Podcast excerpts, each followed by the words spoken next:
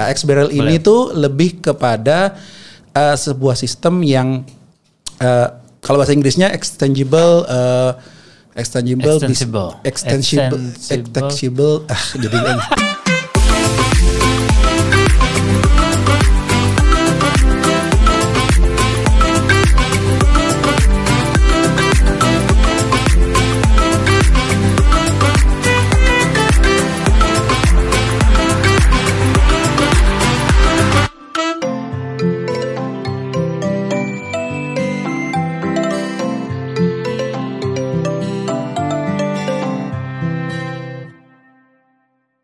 Halo rekan kopi semuanya, kembali lagi bersama saya Om Boy. Ya, gara-gara Bapak saya ini Bapak Marshall, apa kabar? Oke, apa kabar, Om?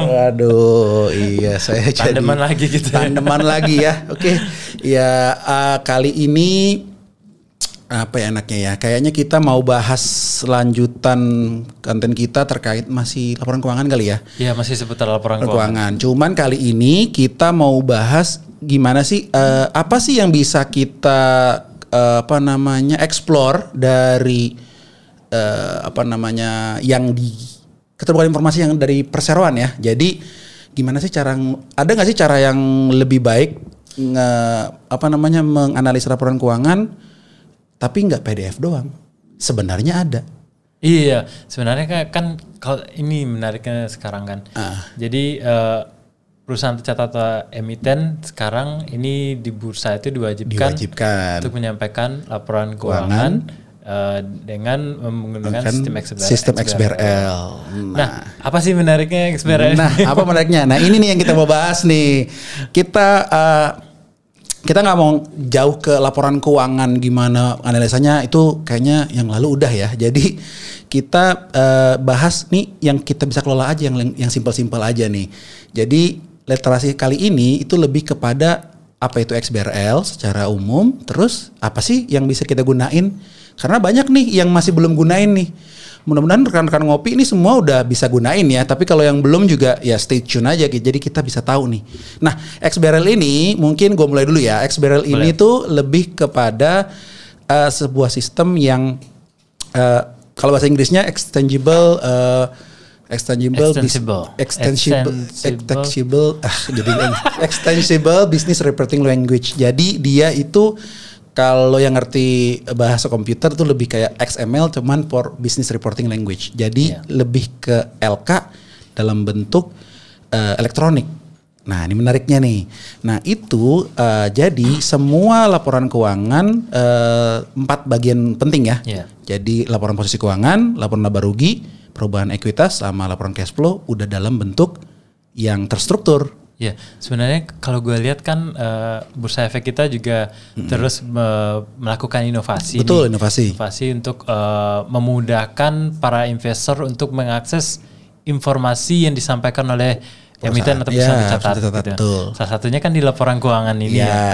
Sebenarnya eh, kalau boleh di share Om ini eh, kemudahan apa sih yang bisa didapat oleh investor kita? Nah, dengan adanya XBR XBRL ini, Ini, ya. dibandingkan mungkin yang laporan keuangan yang sebelum ada XBRL ini kan Ya. eh, para investor akses eh, informasi keuangan dari PDF, PDF, laporan doang. keuangan. Betul. Nah, apa sih Om? Boleh? Kalau eh, bisa di-share, jadi karena tadi ya eh, dia bentuknya terstruktur eh, elektronik, jadi semua eh, akunnya itu udah standar ya. Kita eh, jadi bursa itu telah mengembangkan si XBRL ini dengan suatu eh, standarisasi laporan keuangan yang udah eh, sesuai dengan PSAK, FRS gitu ya. Jadi dalam satu compact di mana akun-akunnya itu semua eh, secara kamusnya di XBRL itu akan bisa eh, diterjemahkan di berbagai mesin, maksudnya di berbagai bahasa di tempat lain. Nah, biasanya kalau di bursa itu eh, kalau kita ke menu laporan keuangan, Iya. sekarang ada banyak tuh, nggak cuma satu. Kalau dulu kan cuma Ya, PDF doang ya. Ada banyak kan? Ada banyak.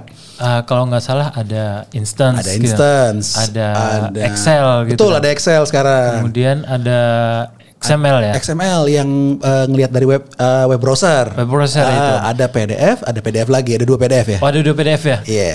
Ya PDF laporan keuangan ya. Ya betul PDF laporan keuangannya laporan keuangannya dia sama PDF generating dari si XBRL sendiri. Hmm, Oke. Nah, ini nih yang pengen uh, kita mau jelasin nih ya. Jadi dari yang lima tersebut itu uh, yang instance itu perlu kalau rekan-rekan semua buka kayak bahasa komputer ya. Kalau kita nggak punya engine-nya memang ya kita nggak bisa buka. Iya. Belum bisa. Tapi itu uh, mungkin kita bisa bahas lebih lanjut di next session kali ya karena itu fokus bener-bener kayak teknis banget sih sebenarnya. Jadi kalau boleh dibahasakan bisa gini nggak om? Instansinya itu eh, bahasa dari mesin ke mesin nggak ya? Betul, mesin ke mesin. Jadi kenapa itu penting? Karena kalau mesin ke mesin harusnya harusnya logiknya adalah kesalahan yang dilakukan sama manusianya udah ke filter. Makanya mesin to mesin. Jadi kenapa kita pakai standarisasi dan ada perhitungannya supaya nggak ada yang salah tuh. Angkanya tie up semua. Kalau di Oke. kalau si XBRL itu akan tie up. Kalau nggak dia nggak bisa istilahnya kalau nggak balance tie up antara eh, subtotal dan antar laporannya Iya, iya, iya. itu ada yang nggak tie up dia nggak istilahnya nggak valid kalau nggak valid nggak bisa submit nah. Oke, jadi tie up ini misalnya untuk laporan keuangan ini ada yang berhubungan nih misalnya betul. laba rugi ke, ke perubahan, perubahan ekuitas, itu Nah, berhubungan gitu kan? berhubungan. Kalau nggak sama kalau dia nggak match dia nggak valid. Atau cash flow yang kas terakhir tuh Iya. sama kas yang ada di laporan posisi keuangan nggak match itu juga dia error. Nah itu membuat eh, satu keyakinan di mana kalau udah pakai format itu dan nggak valid berarti laporan keuangannya masih ya nggak valid masih masih ada error Oke, berarti tadi tie up antara laporan keuangan antar laporan keuangan yang berhubungan, kemudian eh, penjumlahan juga ya om. Kalau Penjumlahan ada, juga, ada jumlahnya nggak salah juga nggak bisa ya. Kalau jumlah yang salah juga nggak bisa. Nah itu makanya si XBRL ini akan lebih baik nih untuk Oke. kita analisa. Jadi kita nggak perlu lagi nih kalau ngecek kalau zaman dulu kan buka PDF-nya. Belum lagi kalau PDF-nya terkunci di lock Oke. sama auditornya Oke, oke. kan waktu dikasih nih supaya nggak bisa berubah lagi. Nggak bisa di copy paste Nggak bisa ya, di copy paste kita. Jadi gimana mau nganalisa cuma bisa dibuka doang terus akhirnya ketik lagi dan itu yang Iya. membuat kadang-kadang investor aduh ya udah deh atau Terlalu beli, burden ya. Terlalu burden. Nah, Iya. sekarang ini, nah tadi kan hasilnya tadi ada instance tuh yang mesin ke mesin. Ada mesin ke mesin. Dan ingat ya tadi laporannya itu udah tersusun dengan rapi, Hmm. sudah tie up-nya udah dihitungin sama engine XBRL-nya mesinnya. Hmm. Nah, kita sekarang punya dapat hasil Excel, output Excel. Excel ya? Jadi Excel-nya itu ya udah semuanya laporan keuangannya dalam bentuk eh, komplit per Hmm. akun. Nah, kelihatan di situ misalnya kayak yang sekarang periode mungkin di laporan keuangan tahunan ya. Iya. Jadi eh, Desember 2020 banding sama Desember 2019. Nah, di situ angka-angkanya udah ada. Nah, kalau eh, kita mau bandingin udah bisa tuh bikin rasio tuh. Oke. Tinggal caplok-caplok aja. Oh, yang misalnya kalau mau bikin eh, ROE, Iya. net income dibagi sama eh, Ekuitas, ekuitas, udah gitu tinggal ya. copy aja, angkanya udah ada. Oke. Nah, jadi bisa ngumpulin. Jadi istilahnya kalau gue tangkap tadi satu eh, potensial error yang biasanya kalau di im- di input di laporan PDF-nya doang, Ah. ini istilahnya udah Udah hilang. udah ke filter lah gitu kan. Kesalahannya itu udah Betul. udah tercounter gitu Udah sama tercounter. sistem XBRL ini. XBRL-nya dan udah Excel. Oke, ada Excelnya ada jadi Excelnya. nggak usah input-input lagi Nggak usah ya. input-input lagi teman-teman. Jadi udah tinggal masukin aja. Tag paling yang eh, mungkin sedikit usaha yang sekarang ya adalah ya kita bikin Excelnya, eh, bikin Excel tambahan untuk misalnya kayak narik data. Oke. Karena kan udah ada semua nih, tinggal ya kita susun aja lah gitu yang yang kita pengenin akunnya, tinggal tarik karena posisinya untuk satu industri yang sama itu sama. Iya iya. iya. Malahan kalau dulu zaman dulu sebelum ada XBRL kan mau nggak mau eh, orang mungkin input lagi. Betul, input sebelum lagi. diolah diinput lagi. Kalau nggak di copy paste, kalau bisa di copy. Copy- gitu kan. Iya, kalau bisa di copy paste baru baru bisa dia Iya. ngolah. Kalau enggak Kalau nginput lagi kan ngetik lagi Error ada lagi. ada eh, ada lagi tuh potensial error dia salah ngetik Betul. gitu kan. Kalau ini kan copy paste lebih dikit lah ya copy Iya. paste. Apalagi kalau dia ya bisa sedikit ex- Excel lah ya. Iya, iya. Sama dengan ini sama sedikit dengan ilmu ini. Excel mungkin eh, bisa mempercepat Betul. pengolahan data jadinya. Jadi ya, Om, ya. paling enggak kita udah tadi yang lo bilang bahwa ini nggak eh, apa nih filtering yang salah errornya udah sedikit. Hmm. Pengolahannya lebih mudah karena tadi ada fitur Excel. Nah kalau Iya, iya, cuman mau ngelihat aja, mungkin bisa pakai dua fitur yang lain nih, yang eh, tampilan website, Tampilan website ya. ya tampilan di web sama PDF. Nah ini dua-duanya sama nih. Iya. Bedanya sama Excel adalah eh, yang dua ini dia hanya menampilkan akun yang terisi. Itu aja bedanya. Iya, iya, iya. Kalau Excel dia eh, yang saat ini itu hanya menampilkan semua, semua yang semua akun yang ada terisi ataupun tidak terisi. Tapi kalau yang eh, bagian eh, yang zip untuk eh, tampilan websitenya itu hanya yang terisi aja dua Oh, nih. oke. Nah yang si PDF-nya juga nih. Nah ini PDF ya kadang kan ada ya mungkin secara sistem eh, memang dihasilkannya memang eh, dibentuk seperti itu ya. Jadi Iya. ada instance mesin to mesin Iya. language Excel yang harusnya kita bisa pakai karena Iya. bisa jumlah langsung kan jumlah bagi kali gitu. Oh, Terus oke. ada PDF untuk mungkin untuk eh, apa namanya arsip kali ya. Jadi arsip yang tidak bisa dirubah gitu kan Iya, ya. iya, iya. Terus ada yang keempat adalah si eh, website yang tampilan website karena itu dan itu juga sebenarnya untuk yang website sama kayak Excel dia bisa bagi cum bisa di kita copy paste. Cuman bedanya standar eh, angkanya dia pakai Excel yang US kayaknya ya. Jadi titik jadi koma koma jadi titik. Kadang-kadang Oke. kan nggak sama tuh. Iya, iya, An- iya. Kalau Excel kan bisa bisa. Separator sama Betul, koma gitu ya. Iya, Nah, itu iya. beda. Nah, kalau pakai si website itu yang perlu jadi kalau mau copy paste lebih baik Excel lah kalau menurut aku. Nah, ini yang eh, sebenarnya pengen eh, kita tekanin nih hari ini Oke. gitu. Jadi jangan sampai ini udah barang bagus nih gitu. Iya, iya, iya, kita iya. tuh nggak pakai kayak aduh susah ya eh, ngolah data keuangan ya gimana ya analisis fundamental tuh harus copy paste enggak Oke. sekarang ada Excelnya Ya. Gitu. Tapi Om, walaupun Hmm. sekarang udah ada laporan keuangan yang diinput eh, dengan sistem XBRL, Nah. eh, PDF-nya tetap butuh ya. PDF Nah, laporan keuangan itu tetap dibutuhkan. Betul. Nah itu makanya ada yang kelima tadi, yang PDF yang terakhir. Hmm. PDF yang terakhir adalah adalah PDF yang di-upload oleh perseroan. Hmm. Itu yang bi- seperti biasa ya PDF biasa. keuangan komplitnya ya. gitu. Nah itu kalau terjadi dispute sebenarnya, supaya misalnya nih, misalnya mudah-mudahan nggak ada sih ya. Maksudnya orang ngebalancein bisa aja kan ya gitu. Tapi yang akan menjadi patokan di dalam eh, perbedaan misalnya angkanya kok kayaknya beda ya gitu. Nanti angka yang paling benar ada tetap yang PDF terutama untuk yang ada opini opini auditnya ya. Hmm.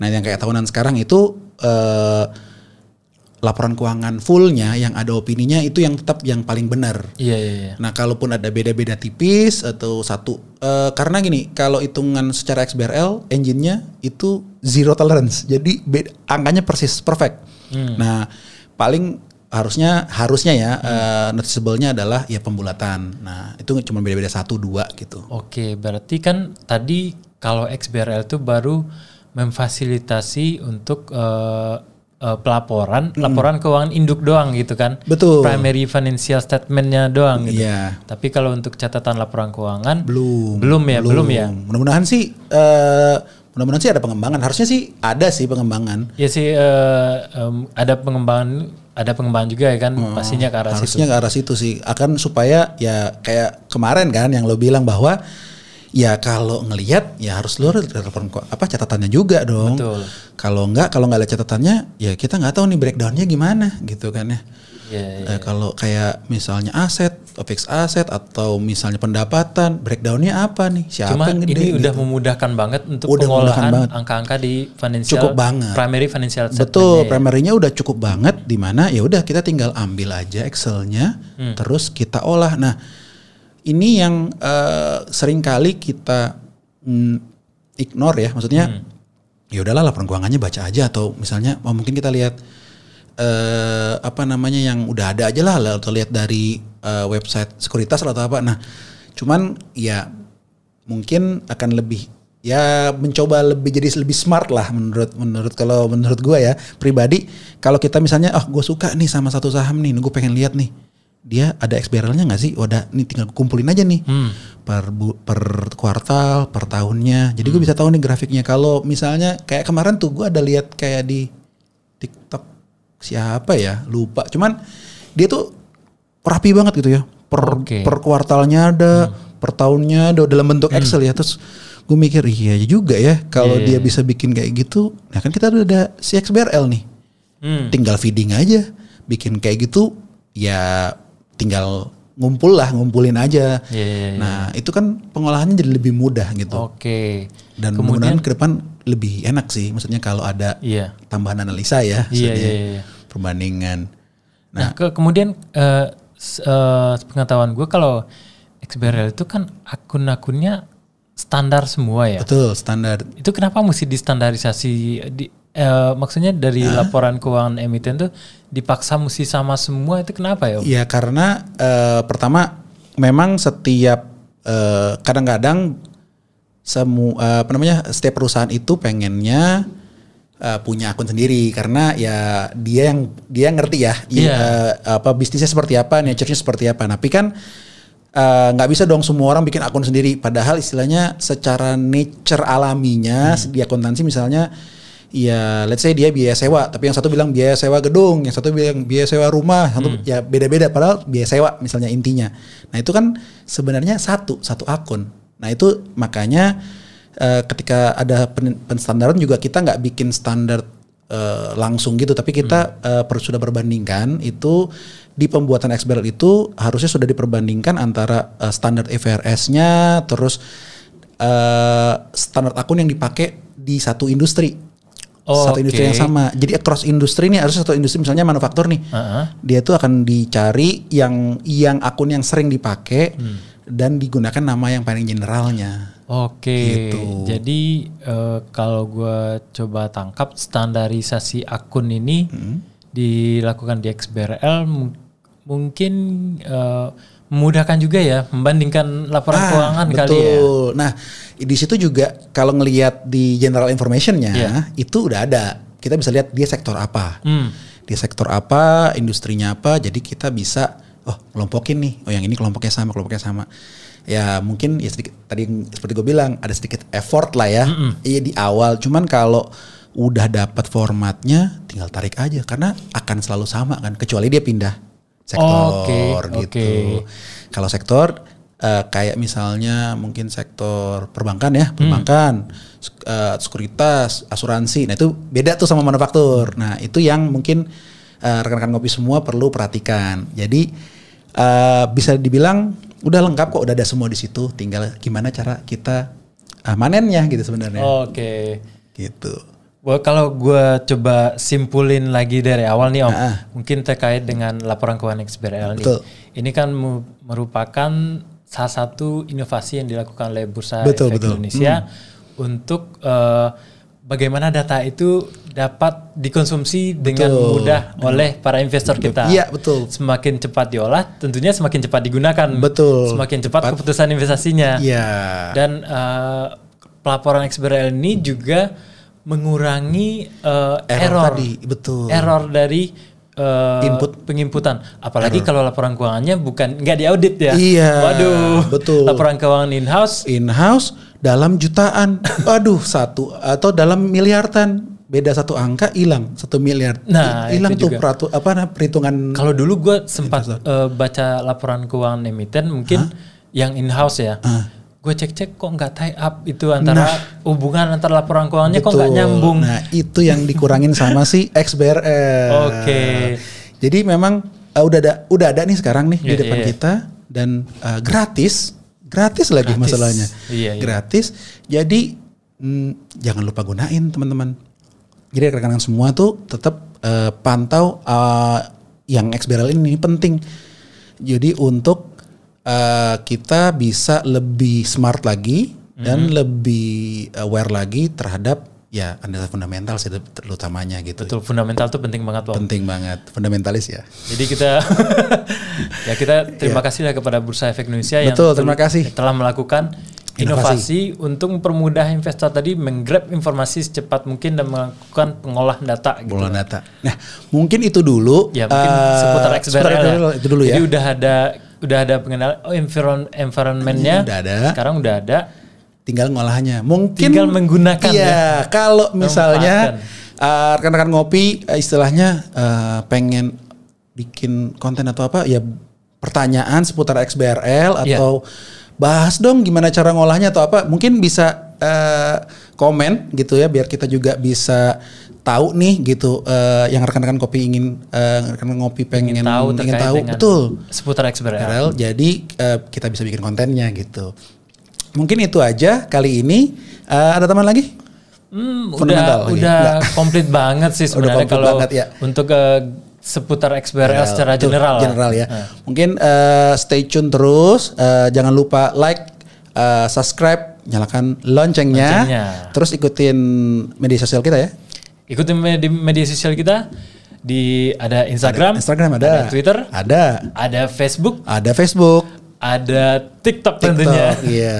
Kalau ada yang mau ngelihat udah Marcel eh, nari juga boleh kok. Di komen aja.